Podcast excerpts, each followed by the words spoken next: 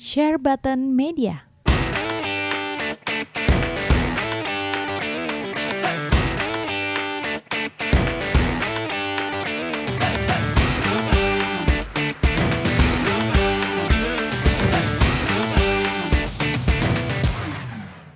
Gue tepuk tangan ya buat ini ya Terserah suaranya. boleh. Oke.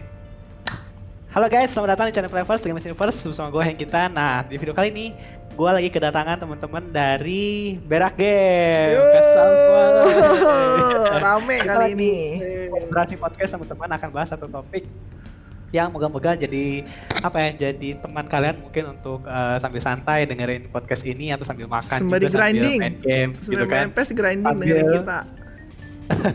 ya, kita mau kenalin diri dulu nih mungkin bagi tem eh, mungkin bagi sahabat players yang belum kenal Berak Game, tapi kayaknya udah pada kenal sih, tapi nggak apa-apa deh. Belum belum. Kenalan dulu Belum satu-satu. belum. Halo. Dari yang topi merah dulu deh, topi merah tuh. Saya Jonathan Jojot Ah, dari ini Berak bosnya Berak Game nih. yo. Yo, WhatsApp, WhatsApp, WhatsApp. Terus yang di bawah pakai baju putih kenalin diri dong dari Berak Game. Halo Andika. Oh, Andika. Ah, Andika. ya. Sama namanya Andika yang beda dia Andika Sama, satu, ya. gua Andika dua gitu aja deh. Andika satu, Andika dua. Nah, satu lagi kita kedatangan tamu spesial, ini tamu spesial. Hmm. Mendadak kita karena kesibukan tapi kita akhirnya bisa bisa undang dia. Eh, yang pakai baju merah siapa perkenalkan diri bos besar Tirta Tirta dari Bos dari La-. Lambe Tirta ya Lambe Tirta. Lambe Tirta. Lambe Tirta dari akun gibah akun gibah Lambe Tirta ya Aduh gila Yang baju merah jangan sampai lolos ya. yang, pakai- yang pakai yang pakai kupuk udah udah udah tahu ya ini uh, reviewer dari Players Udah Andika. Halo. Ya. Nah, yaudah kita gua mulai aja ya teman-teman topiknya. Nah, topik yang mau bahas adalah yang berkaitan sama game yang baru minggu lalu juga sempat heboh, yaitu adalah Eidon Chronicle 100 Heroes. Ya kan, kalau teman-teman tahu, proyeknya kan lewat pendanaan Kickstarter Ya. dan dalam waktu Eh, nggak sampai satu hari udah tembus Hmm. tuh 500 USD gitu kan. Dan bahkan terakhir gua cek kemarin tuh bisa udah lebih dari 2 juta, 2,4 juta mungkin sekarang udah lebih lagi udah 2,5 mungkin. Terakhir gue lihat 2,5 ya, bener. 2,5 ya. Nah, Ya. itu udah tembus Hmm. banget tuh kan. Nah, Ya. tema besarnya adalah kita mau ngomongin eh, game-game Kickstarter ini nih. Eh, kita nggak bilang game Kickstarter itu akan selalu bagus atau jelek ya, tapi pengalaman dari teman-teman di sini bagaimana melihat game-game yang di yang pendanaannya lewat Kickstarter. Hasilnya bagus apa enggak? Nah, gue mau pertanyaan pertama nih buat teman-teman semua. Ini dari sepengetahuan kalian dulu aja ya, nggak usah riset, nggak usah- nggak usah baca, nggak usah apa. Ya. Mungkin satu-satu Ya. jawab. Menurut kalian game-game Kickstarter itu hasilnya gimana? Bagus apa enggak? Yang kalian tahu aja sepengetahuan kalian. Dari Siapa duluan? Dulu deh, Jojot dulu deh. Jojot Enggak dulu. sih, gue ngelihatnya sih tidak sih dari yang gue main ya. Yang gue main ya dari Mighty Number 9, dari Shenmue 3, Bloodstain. Eh, mungkin lu gue nggak tahu ya kalau apa sih yang terakhir itu eh enggak yang pertama itu menurut gue mainin Shovel Knight itu dari Kickstarter nggak ya? Apa Iya, dari biasa? Iya iya Iya, Oh. Shovel Knight. Ya paling. Shovel Knight aja yang paling oke sih. Sisanya mengecewakan, cukup mengecewakan. Pak Mighty Number Oke. 9, Shenmue 3, Bloodstain menurut gua ya. Cukup Nanti dibahas lebih lanjut ya, Ya, itu udah dulu singkat. Oke, Nah, oke. dan yang Pika- Pikachu, Andika Pikachu gimana? Ngeliat lo. Game-game Kickstarter bagus apa jelek dia? Yang hasilnya yang lu lihat. Sepengetahuan Hasilnya aja ya. Hasilnya. Kita bicara hasilnya aja ya. Kita hasilnya aja. Ha. Hasilnya hampir kemungkinan besar jelek.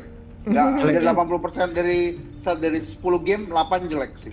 8 jelek ya. 8 jelek. Sip, oke, gue cukup. Dari Bos Tirta, lu ngeliatnya gimana game-game dari Kickstarter hasilnya? Sepengalaman Ya. lu, sepengetahuan lu. Pengalaman gua ya mirip sama seperti Pikachu ya Kalau dia dari 8 dari 10 jelek Kalau menurut gua 9 dari 10 jelek Karena ya. harapan tinggi dari lu donasi Ternyata hasilnya begitu Aduh Ya udah. gitu ya. Oke, itu dari Tirta Iya. cukup. Dari Andika Flavors gimana ngelihatnya lu? Eh, kalau dari gue sih ya hasilnya emang kebanyakan sih kurang memuaskan ya. Jadi hype di awal, tapi pas eksekusinya ya kok begini sih gitu Nah. hasilnya. Ya.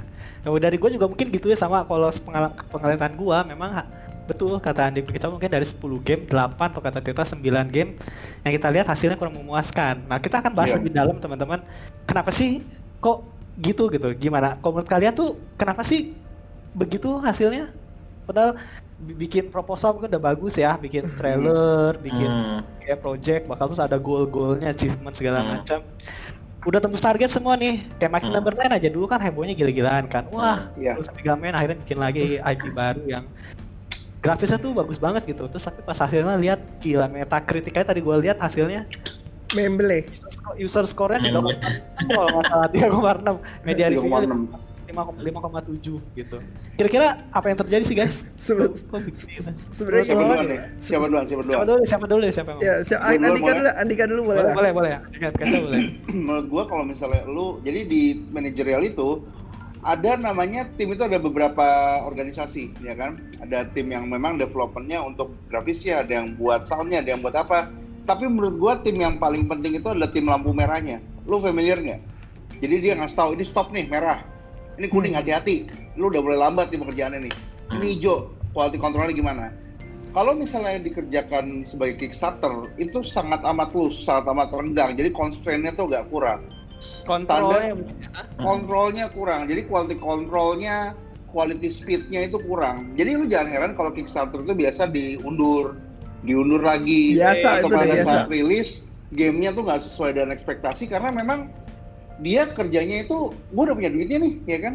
Gue nggak Iya. kejar apa-apa, gue nggak Iya. punya keterikatan sama sekali gitu. Iya loh. benar. Kalau misalnya lo kerja sama korporasi, korporasi nuntut lo kan, lo harus tempo segini harus beres. Hmm. Pokoknya gua nggak mau tau gambarnya harus kayak gini. Kalau kayak gini kan lo bener-bener dikasih ruang gerak yang sangat bebas. Hmm.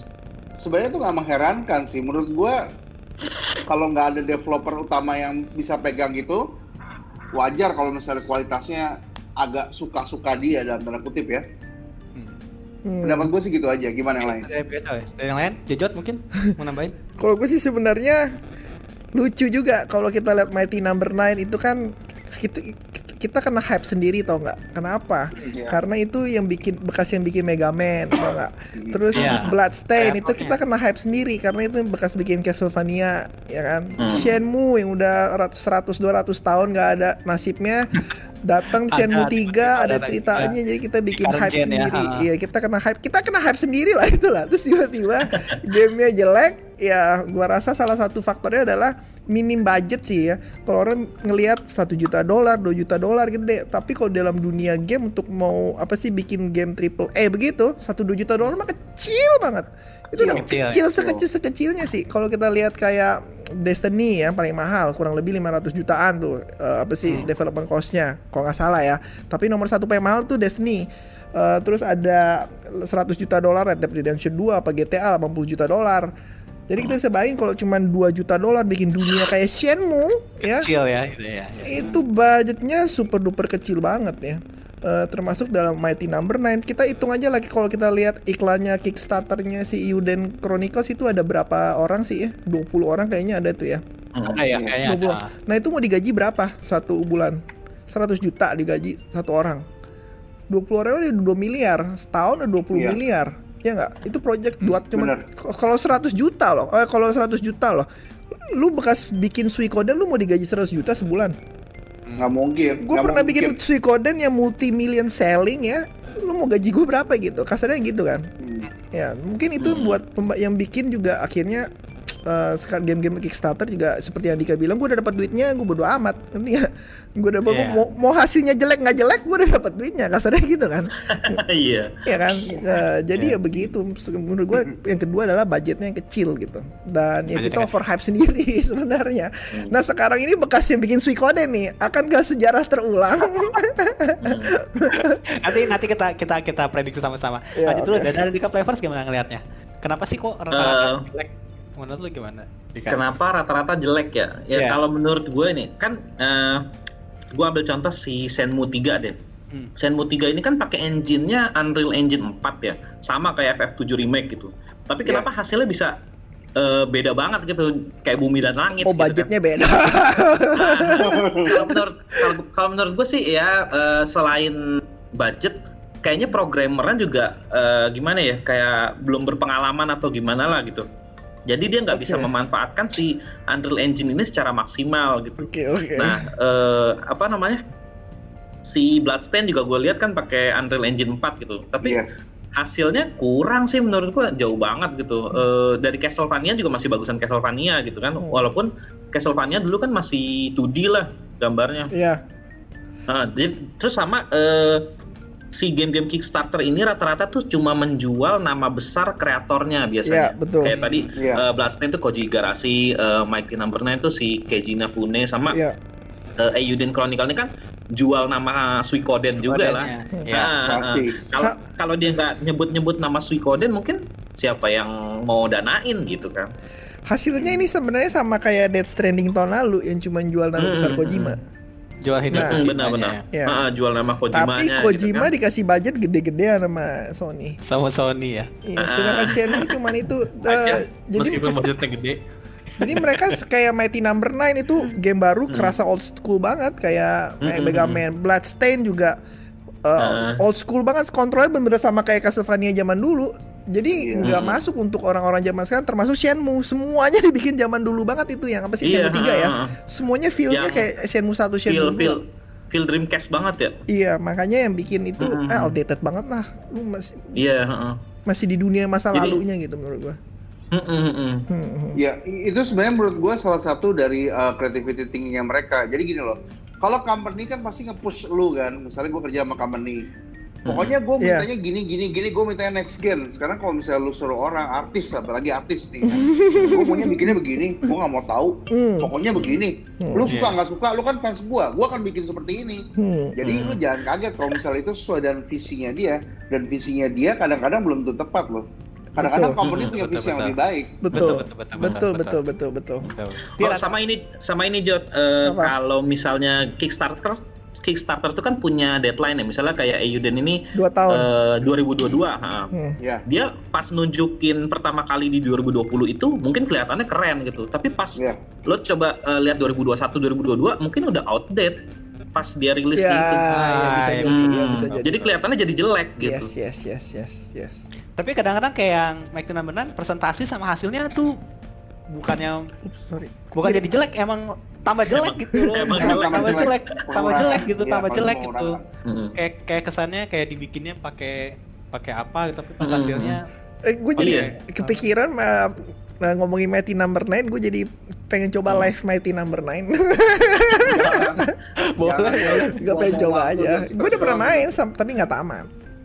Pengen coba lagi. Tir lumayan Tir, Mike Number 9 kema- dulu Tir sama Senmu.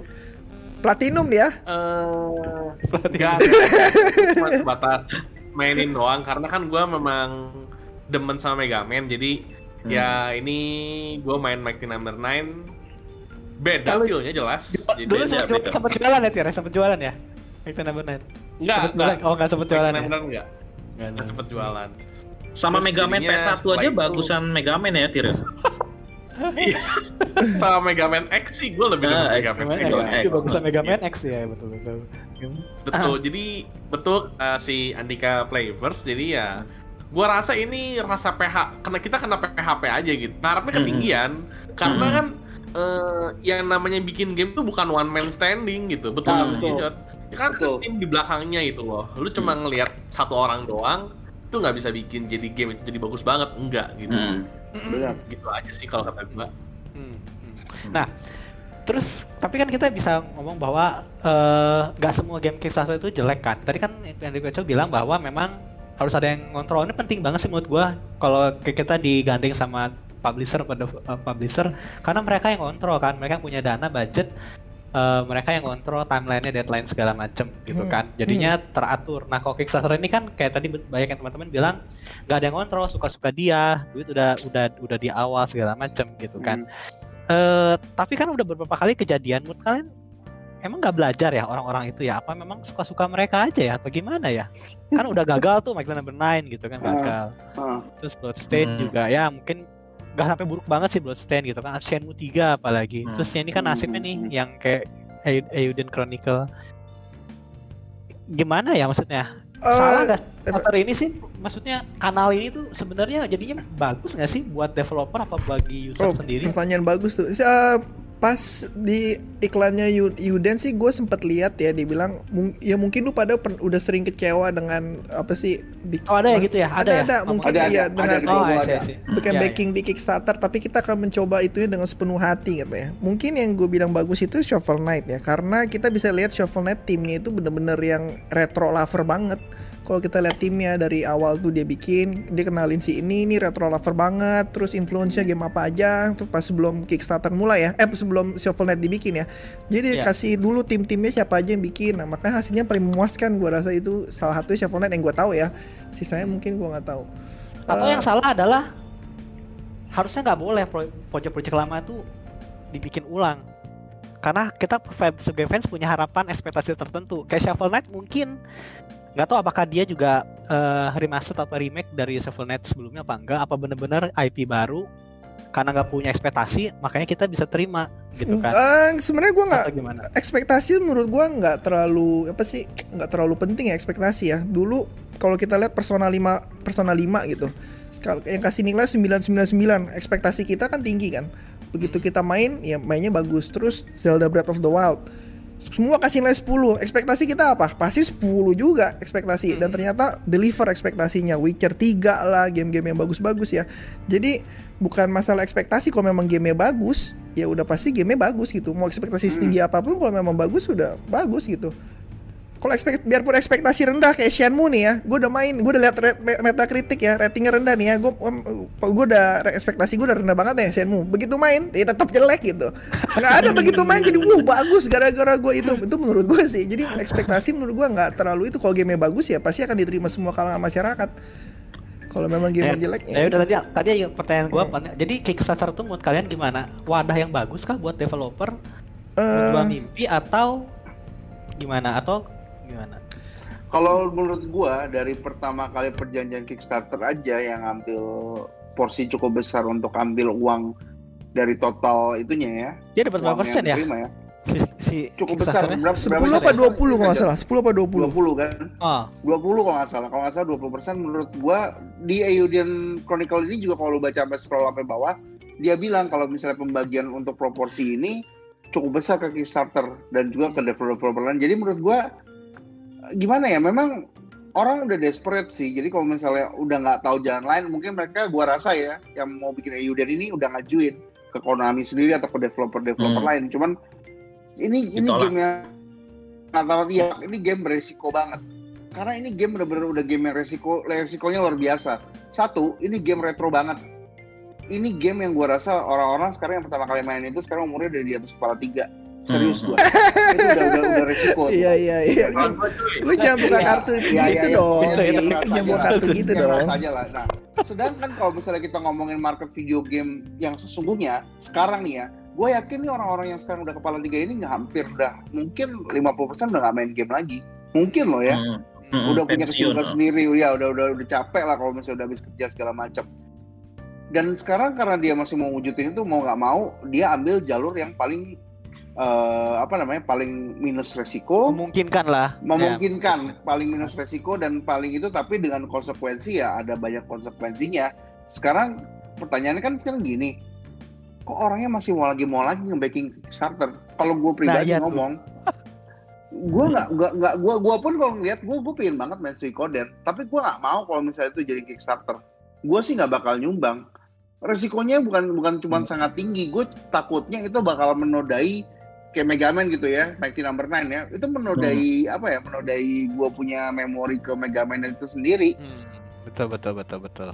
nah gue nggak tahu deh kalau misalnya orang-orang mungkin udah desperate banget gue pengen main Suikoden 2 deh gimana pun caranya. Meskipun gue mesti bayar Hmm. sangat mahal apa ya udah it's, it's- it's fine sih gue nggak bukan ngelarang cuman ekspektasi lu rendahin aja turn down volume sangat rendah gitu kalau misalnya lu mau main Jadi tapi kemarin backup ya berapa puluh ribu dolar? Jod? Enggak, gue belum ya? backup sama sekali. Gue belum backup sama Oh. sekali. Gue gue gue mikir gue lagi bingung mau backup yang mana, tapi Kan lu mau ke kota kotanya itu kata Fluid nanti. enggak lah enggak bercanda itu Enggak. mahal banget, itu mahal banget.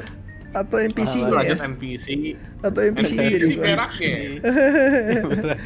Eh, Sebenarnya ada satu ini tau nggak? Ada satu Kickstarter yang mungkin dia ditawarin banyak, tapi dia lebih milih diri sendiri kayak Platinum Games. apa tuh contohnya Platinum Games kan dia lagi bikin IP baru, ya kan? Tadinya kan Tencent, Hmm. Tencent nawarin dia, kalau nggak salah, gue baca beritanya, beberapa perusahaan nawarin dia, dia nggak mau, dia maunya indie, dia maunya biar dia danain sendiri. Kenapa? Karena kalau jadi dia nggak bisa di setir gitu, ngerti nggak? Jadi kemungkinan Hmm. di tim juga mungkin dia mikir kalau gua ke kayak balik kayak Konami lagi, ini gue bisa di setir lagi, ngerti nggak? Dik? Hmm. Menurut gua ya, tahu ngerti, ya. Mungkin dia di setir lagi, jadi akhirnya dia bikin sendiri biar dia nggak di setir, dia bisa idealismenya bisa di gamenya bisa tinggi banget gitu. Untuk beberapa Hmm. orang yang yang nggak pengen eh, apa sih nggak pengen masuk ke triple A publisher ya, ya dia bikinnya Kickstarter. Kemungkinan ya nggak tahu. Platinum sih begitu, salah satunya. Platinum Games ya itu ya. Platinum Games. Hmm. Hmm. Oh, I see, I see, I see.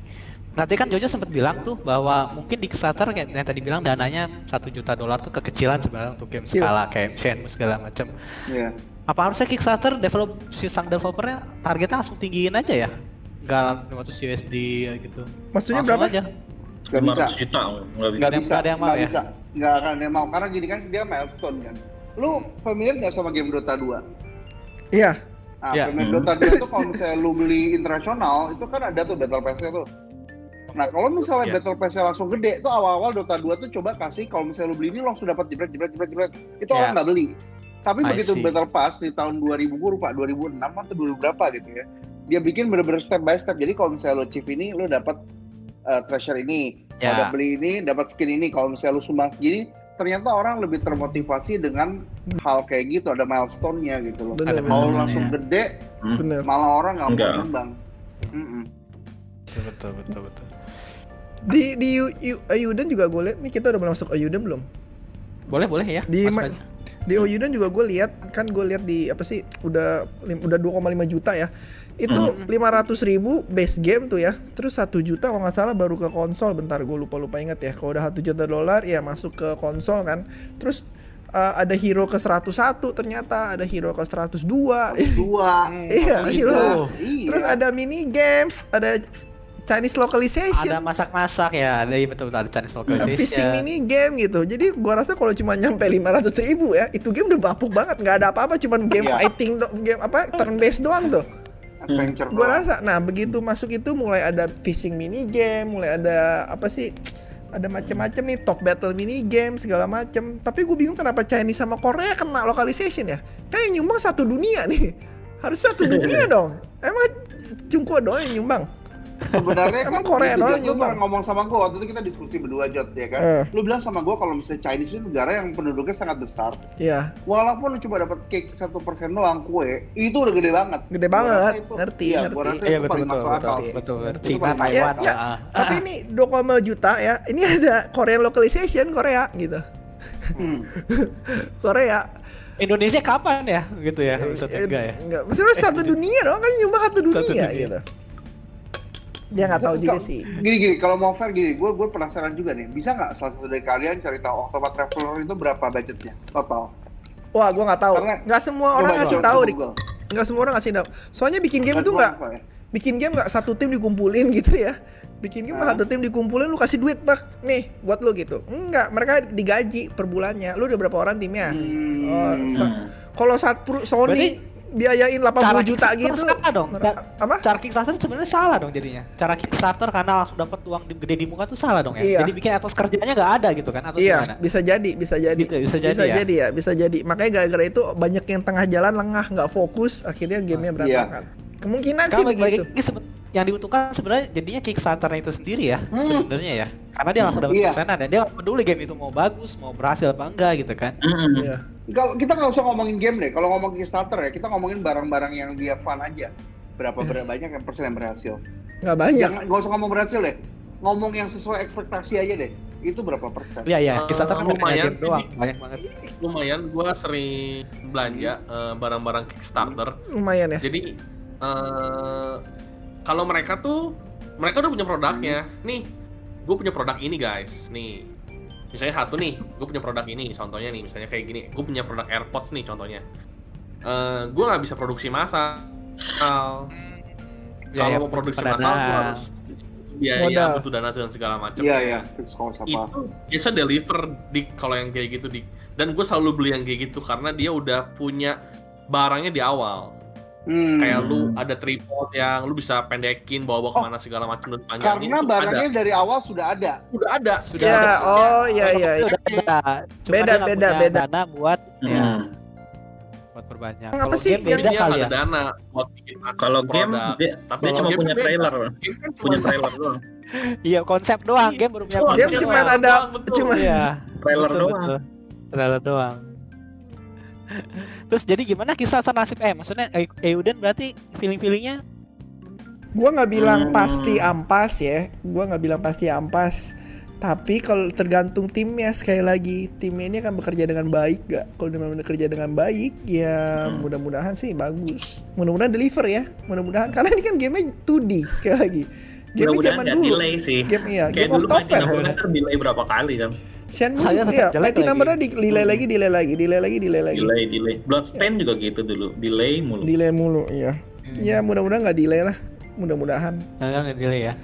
Nah, tapi teman-teman tahu juga kan bahwa ada game-game Kickstarter juga yang berhasil tuh. Nah, tadi gue sempat baca-baca dikit, jadi kayak Divinity Original Sin juga itu dulunya mulainya dari Kickstarter. Iya. Terus, tapi itu untuk PC ya. Jadi mungkin teman-teman yang kayak gue sendiri kan anak konsol, jadi gue nggak terlalu tahu game-game itu kan. Hmm. Terus Pillar of Eternity juga cukup berhasil gitu kan.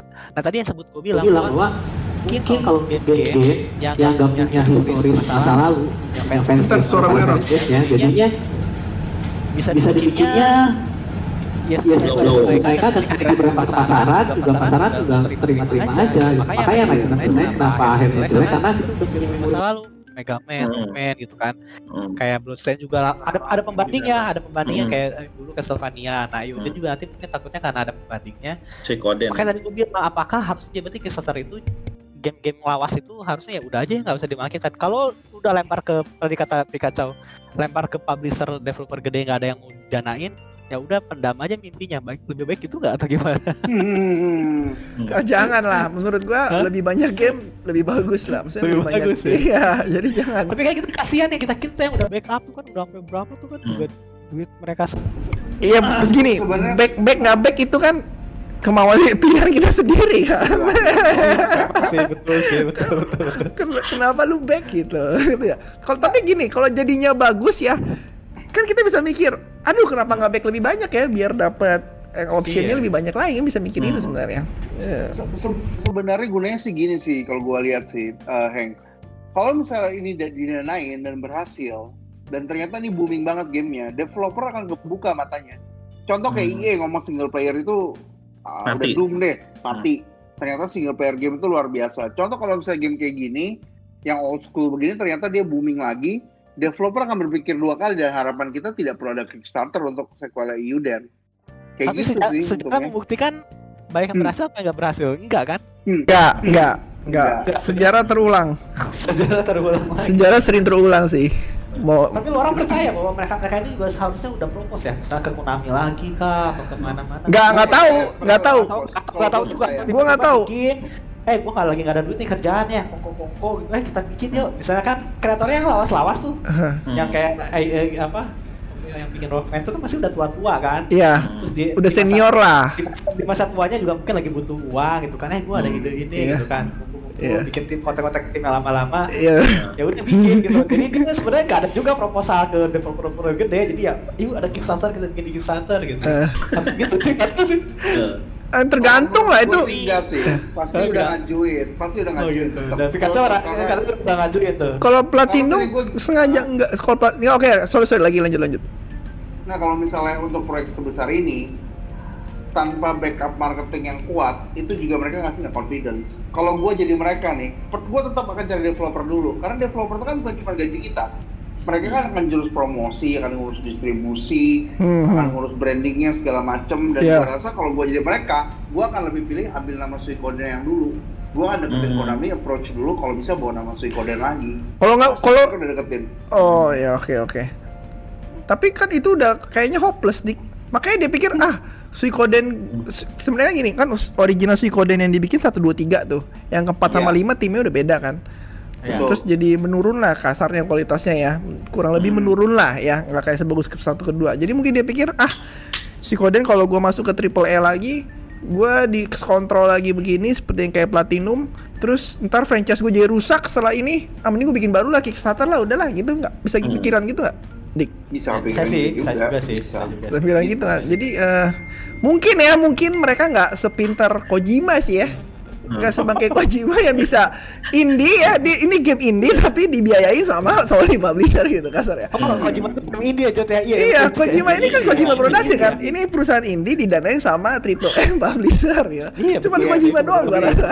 Baru nggak, gua baru nggak dia itu studio indie, studio Iya. indie. Iya, dia suka-suka dia. Sony juga kayak nggak peduli dengan dia kan. Gue bagian marketing. Marketing juga dia yang handle sendiri. Dia datang foto-foto sama orang-orang sendiri gitu. Iya nggak sih? Jadi, eh, kemarin udah ke Singapura juga ya. Gitu. developer contohlah Kojima ya. Iya, iya. Kurang pinter berarti mungkin ya ini orang ya siapa si si kode ini. Kalau Tapi kan dia pinter punya, ya karena Apa? personalnya kan dia punya punya punya karya yang Iya. bagus dulu di Metal Iya. Gear gitu. Iya, kan, benar. kayak gitu. benar. Waktunya deket Jot, waktunya deket Jot, waktu antara uh, Metal Gear Solid Iya. 5 sudah bermasalah ini, Iya, Kojima keluar itu waktunya masih dekat. Kalau Suikoden kalau misalnya dia melakukan approach kayak gitu, Iya. ya lalu iya, iya. udah berapa iya, puluh iya. tahun yang lalu, Iya, iya, Bapak. benar. Bapak, ya kan? Benar-benar. Tapi Ini teori teori gue sendiri ya kalau gue ya. Coba ya Gua gimana? semua juga teori sendiri sih. Kode itu eh, ngelihat FF7 loh. FF7 project lama bawa nama FF7 dibiayain Di Sony remake. sih. Eh. Dibiayain sama eh, Square Square sih. Nah, Iya. ternyata eh, yang diomongin sama si Andika yang umur-umurnya udah tua nih yang kepala tiga tuh ternyata pada beli juga gitu loh meskipun ada yang suka ada yang enggak Ya. tapi kalau dari, dari penjualan fine fine aja mereka oke berarti mereka adalah adalah pede gitu loh. Oh iya kayaknya nih bisa nih kalau misalnya eh, dibikin lagi tapi eh, kita bawa nama Suikoden tapi diganti gitu loh. Sehingga barulah keluar tuh nongol tuh si Apa? Euden ini. Oh, Kickstarter. Kalau menurut gua tapi itu pun udah kalau menurut gua pasti ada penawaran-penawaran ke publisher ada yang tahu nggak sih timnya Euden ini? Timnya Squadron yang keberapa sih? Yang di yang, yang awal gua rasa, gua rasa yang awal. Yang awal. Gua rasa ya. Satu, dua, dan Coba deh. empat. Satu, dua, dan empat. Jot, masih ada yang Satu, empat, dua, dan empat. join. Oh, empat masih ada yang join. Tapi yang pem, Ah. itu kan satu dua tiga kan, yang kepalanya ya. Bener gak sih? Seingat gue dari dulu gue baca Suikoden 1 2 3 itu dibikin tim yang dulu, terus timnya itu keluar. Setahu gua ya, gua nggak tahu deh, gua salah apa nggak. Ada satu Ada lagi tahu apa? Sih. Ada satu game lu baca aja. ada, ada satu game yang pendiri Final Fantasy itu nggak siapa? Hironobu Sakaguchi Hiro, juga bikin Hironobu Sakaguchi. dia juga bikin si game. Lost Odyssey bukan? ya dua Lost Odyssey sama, Blue Sama Dragon Blue Dragon. sama Blue Dragon. Lost Story Eh, Last Story yang di Lost Wii Story ya? yang di Wii ya nah itu gua nggak tahu gagal nggak gagal ya gamenya sih bagus-bagus sih cuman penjualannya sih gua rasa nggak terlalu oke terlalu- menurut gue ya nggak terlalu oke. terlalu oke jadi apakah nama besar lagi-lagi apakah nama besar di belakangnya ini bisa eh, apa sih bisa bikin gamenya jadi bagus dan penjualannya bagus ya ada lagi terakhir itu yang bikin Resident Evil itu siapa Shinji Mikami ya Shinji Mikami Iya, ya, dengan bikin Evil Within ya. Evil Within kan nggak seheboh Resident Evil lah ya semua orang tahu lah ya. Ya. Nah, apakah dengan nama belakang ini bisa lebih heboh dari game pendahulunya? Sampai sekarang gua belum nemu ya orang keluar dari perusahaannya bikin perusahaan baru lebih sukses dibanding perusahaan sebelumnya. Gua sampai sekarang belum melihat seperti itu. Belum ada. Hmm. Nggak tahu kalau kalian lihat udah ada, gua nggak tahu ya.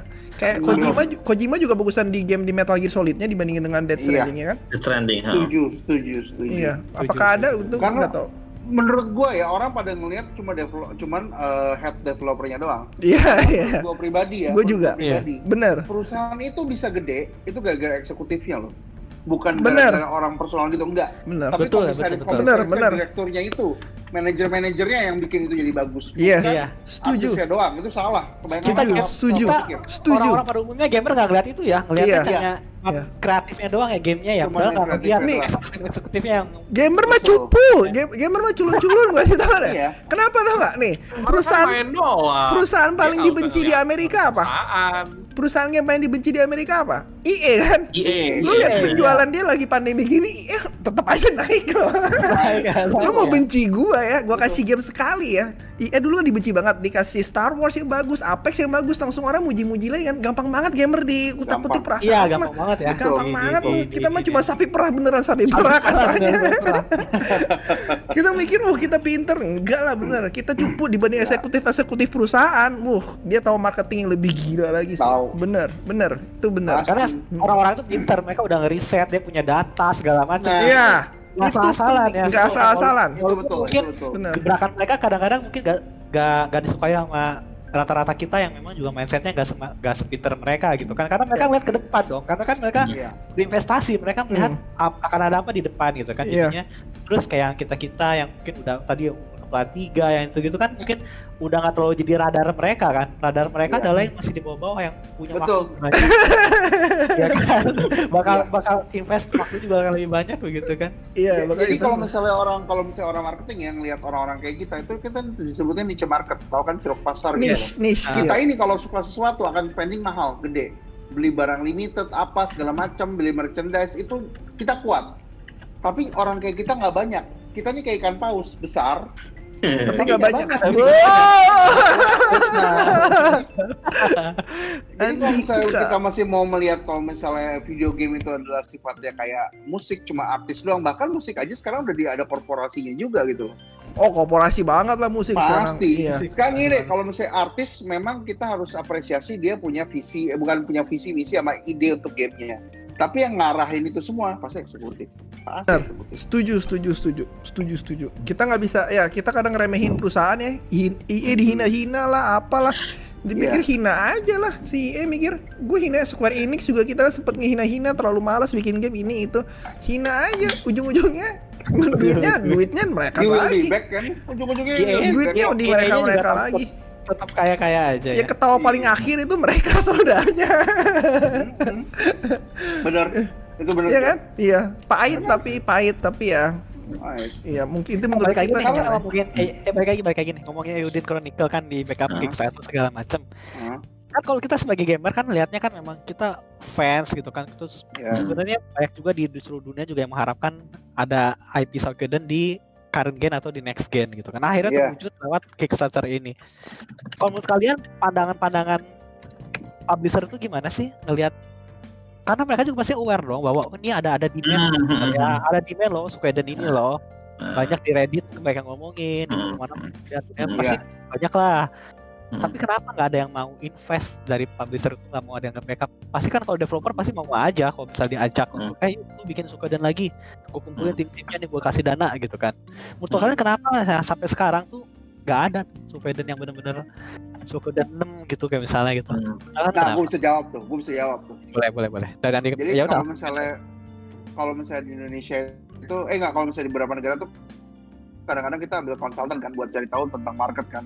Contoh kayak Bo- Boston Consulting Group gitu. Dia cari tahu market Hmm. itu sekarang yang lagi grooming apa, yang mesti di defense apa, yang lagi growth apa segala macam. Hmm. Gue yakin company-company terutama Konami ya yang megang lisensi itu ya.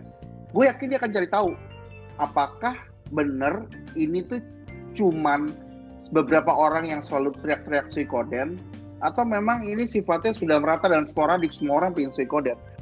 Gue hampir berani bilang dan gue hampir berani ngomong yakin kalau sebenarnya yang bener-bener mau Suikoden itu nggak banyak banget. Biasa aja, Hmm. cuman vokal. Hmm.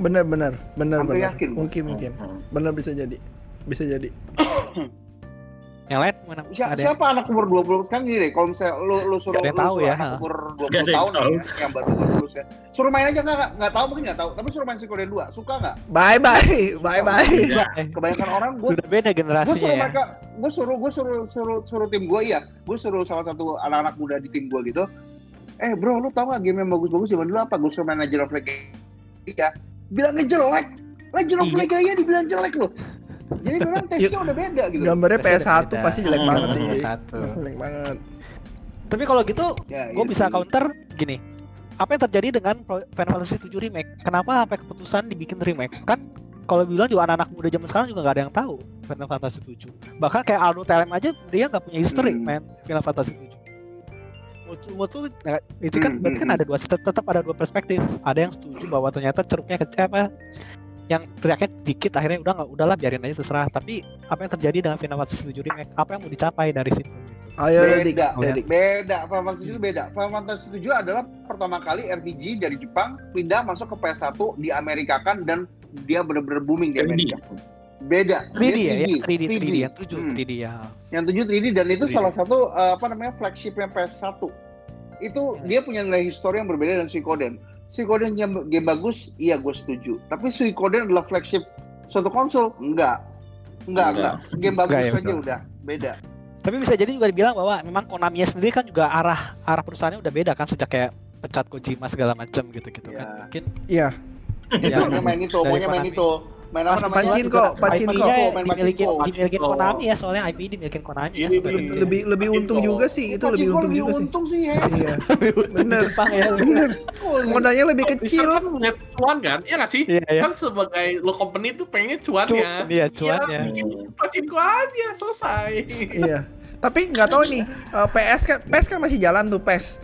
PS masih jalan Hmm. sama ini gosip-gosipnya ada Silent Hill tahu bener apa enggak ya di Hmm, next hmm, di next apa sih di next gen ada Silent Hill baru gosip doang tapi cuma gua Iya. nggak tahu bener kalau memang ada bener ada Silent Hill juga ada kemungkinan nggak sih Konami itu bisa bikin IP-IP lama dia naik lagi ya gua nggak tahu sih mudah-mudahan sih Nah, naik apa? Jod, dia. gua, Apa? gua mau ngomong nih Jod. Lo Hmm. sadar nggak waktu Mighty Number 9 itu gagal? Itu Capcom langsung gencar ngeluarin Mega Man Collection, Collection, Collection sampai Mega Man 11. oh iya iya iya iya Ah, iya bener iya kan? iya Iya, iya, iya iya, iya iya. iya Ah, iya Nah, eh mungkin aja nih mungkin buat eh, Neckal si Eiyuden Chronicle ini mungkin aja nanti si Konami tuh bisa aja ngeluarin Suikoden Remaster Collection atau Oh, apalah gitu. bisa jadi sih, bisa jadi Ah, sih. bisa jadi. Amin. Oh, amin. bisa, bisa jadi. Jadi eh, perhatian orang kan teralihkan gitu ya dari Eiyuden Chronicle. Jadi nanti bakal jadi pembanding. Oh nih Suikoden sama Eiyuden tuh ternyata eh mirip gitu kan.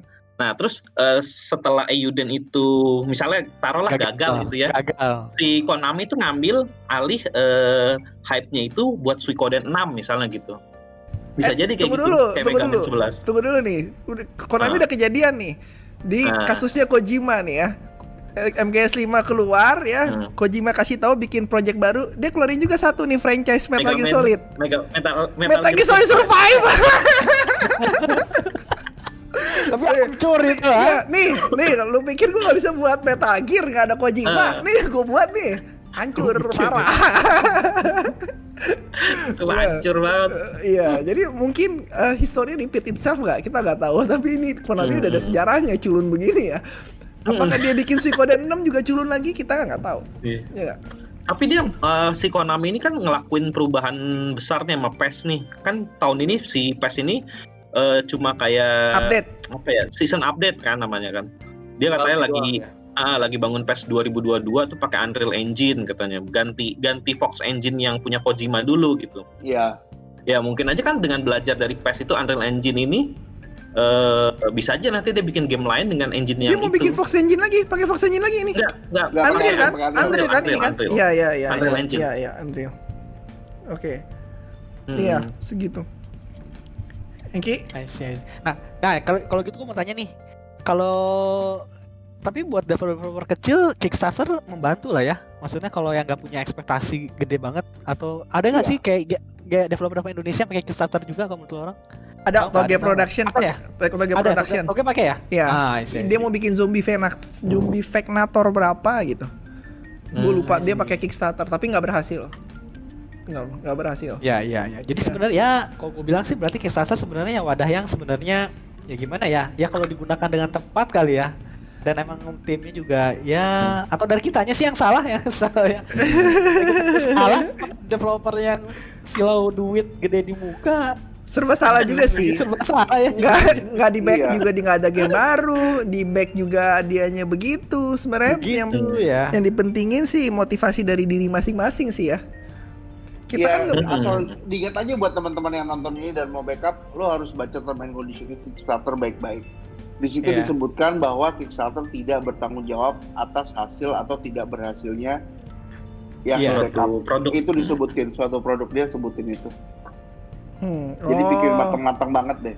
eh. Raditya Dika udah udah backup lo Raditya Dika kemarin. Redditnya backup.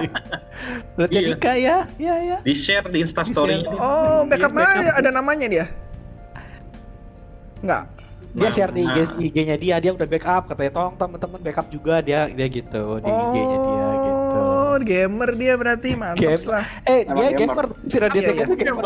Iya, iya, iya. main Monster Hunter gitu-gitu kan. Iya iya iya. Overwatch ya, gue ingat gue. Ini Iya. bagus lah, bagus Iya, lah. Om Radit, kalau anda denger podcast ini, Iya, iya. eh, ya udah berarti kita ya berharap aja lah yang terbaik yang udah backup ya silahkan berdoa aja kali ya berdoa Siap, siap. semoga hasilnya bagus nah tapi gue mau tanya tanya pertanyaan terakhir deh Misal, kalau kalian sendiri ini masing-masing jadi lebih suka game yang emang di Kickstarter apa emang disetir sama developer eh di sama publisher Gue suka game bagus apa pun itu ya. Mau di setir, mau nggak di setir, gue rasa suka-suka ya. Contoh gini, Super Smash Bros. Super Smash Bros itu antara disetir nggak disetir. Contohnya gini, kalau ada karakter baru, ini gue baca interviewnya Sakura ya. Si Sakura itu yang bikin Smash Bros kan. Kalau ada karakter baru nih ya, yang nentuin siapa karakter baru? Nintendo ya Bukan. Nintendo nentuin karakter baru. Nintendo ya? Dia ajuin ke Sakurai. Sakurai terima apa enggak? Gitu. oh gitu Kalau Oke. Sakurai nggak terima, Hmm. yang nggak bakal jadi gitu. Hmm. Tapi Sakurai nggak boleh Ah, pilih. iya. Dia cuma boleh. Karena orang iya, Jepang apa gitu ya Jat ya, dari Iya. atasnya harus setuju dulu ya, Iya. baru ke bawah ya. Iya orang Ah. Jepang begitu sistemnya. Jadi antara itu kan ada kebebasan dari Sakurai juga, ngerti nggak? Ada ada Hmm, kebebasan dari dia, tapi ada andil ada dikontrol dari atas juga kan? Hmm. Iya. Berarti salah satu- Sakurai harus suka dulu sama karakternya baru disetujui gitu. Yes. Contohnya gini, si Kirby. Kirby itu awal-awal warnanya nggak mau pink, warnanya tuh apa ya? Gue lupa deh. Warnanya kuning apa apa gitu. Si Shigeru bilang kuning ya? Biru, kuning Biru. ya. biru kuning Ku- ya pokoknya gitulah. Cuma si Sakurai maunya pink. Ya udah lu ambil pink aja. Gitu. Jadilah Kirby pink. tadi lah Kirby ya Iya, Yang kurang lebih seperti kalau. Nintendo lebih kasih kebebasan lah. Kalau Nintendo eh, dia biasa nggak kasih tenggang waktu yang dia kasih tenggang waktu yang cukup lama. Kalau di Nintendo gue baca-baca ya, dia kasih tenggang waktu yang cukup lama. Jadi orang di developernya tuh ada kebebasan juga gitu. Tetapi tetap itu dia harus Nintendo Jot itu Nintendo Jot lain lagi Iya. lah mungkin kalau yang company lain beda beda company lain kayak ini God of Kayak- War. God of kayak War Kojima dipecat tuh gimana jadinya isunya Kojima mah Kalau Kojima itu isunya karena dia itu maunya gamenya itu sangat jadi waktu itu kan yang dia Idealis ya, terima- idealis. bukan idealis, Eh, idealis terima itu kan kan itu kan uh, ada ada cerita yang lanjutan itu sebenarnya tuh sampai si siapa namanya sampai si liquidnya itu naikin Metal Gear, lu tau nggak? Iya tahu. Tahu. Ada bocorannya kan? Tahu, Nah, iya. Dia masih mau prolong itu game masih mau dipanjangin lagi. Gila lu berapa resource yang mesti keluar. Iya. dan untungnya belum tentu balik kan? Jadi Konami Iya. itu juga was was kalau misalnya dia seperti Hmm. itu. Dan dia mungkin agak membangkang ya kalau misalnya dari dari rumor-rumornya. Iya. ya. kita nggak tahu pasti.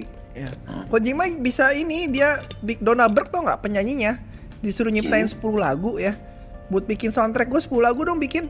Didengerin semua gak ada yang suka. Dibuang gitu aja iya sih kayak enak Iya. banget buang-buang duit gitu gue baca interviewnya dari Donna Berg resource. jadi kayak uh ya wajar aja kalau Konami marah lah itu mah Boros ya, boros. wajar Boros, wajar boros, wajar, wajar wajar, ya. wajar. itu wajar banget Iya.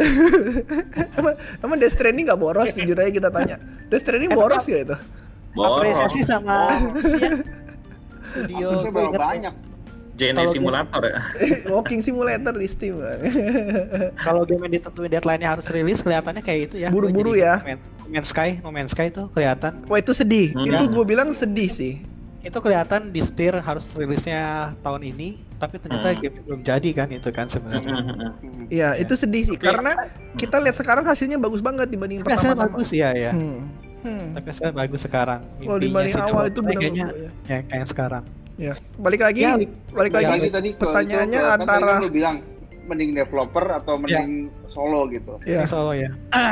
Sebenarnya kalau misalnya ngomong general ya selama developernya itu apa namanya sorry selama company mending mending didanain publisher atau atau kayak cari crowdfunding sendiri gitu. Pasti lebih baik mendanai publisher itu udah jelas. Publisher lebih baik mendanai karena satu karena dia mendanai dia berhak untuk kontrol kualitinya speednya apa segala macem. Habis itu yang satu hal yang paling penting adalah dia juga tahu selera pasar sih. Kan tadi kan lo udah bilang Hank mereka pasti udah research dulu pasar maunya kayak gimana sih? Seperti apa sih Hmm. orang-orang suka? Hmm. sedangkan kalau misalnya kita biarin gitu aja developer eh bukan developer sorry kalau misalnya kita biarin orang kreatif konten sendiri ya lu jangan kaget dah hasilnya kayak gimana dah. Orang gua aja kalau bikin game pasti orang nggak bakal suka ya ya lu. karena personalnya lu ya iya karena suara gua banget gitu Iya. kalau kalau sama BOD BOD eksekutif pasti disaring lagi kan ini oh Iya. kan gitu kan. Setuju. Setuju gue gitu sama kan. Andika setuju, setuju, setuju. Ya, gue rasa publish lebih better. Publish lebih better. Hmm. Eh tunggu tunggu, tapi indie game termasuk bukan Kickstarter kan indie game? bukan Indah game enggak bukan ada yang ada yang enggak ada yang iya ada yang enggak Kayak kayak ada indie game kayak ini indie game sekarang baik bagus-bagus kayak Dead Cells lah, eh, Celeste. Hmm. Itu kan ini. ya, sekarang juga kan makanya baik direkrut-rekrut kan sama Microsoft sama Sony kan, baik Hmm, di Iya, kayak Ori, kayak Ori and the Will of Wisps. Ya, ya kan? Iya. Hmm. Ya. Mm-mm. Eh, Ori and the Wisps se- semenjak di apa? Semenjak diakuisisi Microsoft jadi bagus banget tuh. Yang kedua lebih bagus lagi maksudnya dibanding yang pertama Iya. ya. Hmm. Ori. Ori bagus banget. Ya. Jadi gua gua gua gua setuju Ya. sama Andika, gua sama Andika betul. betul. publish. Publish ya. Publish better.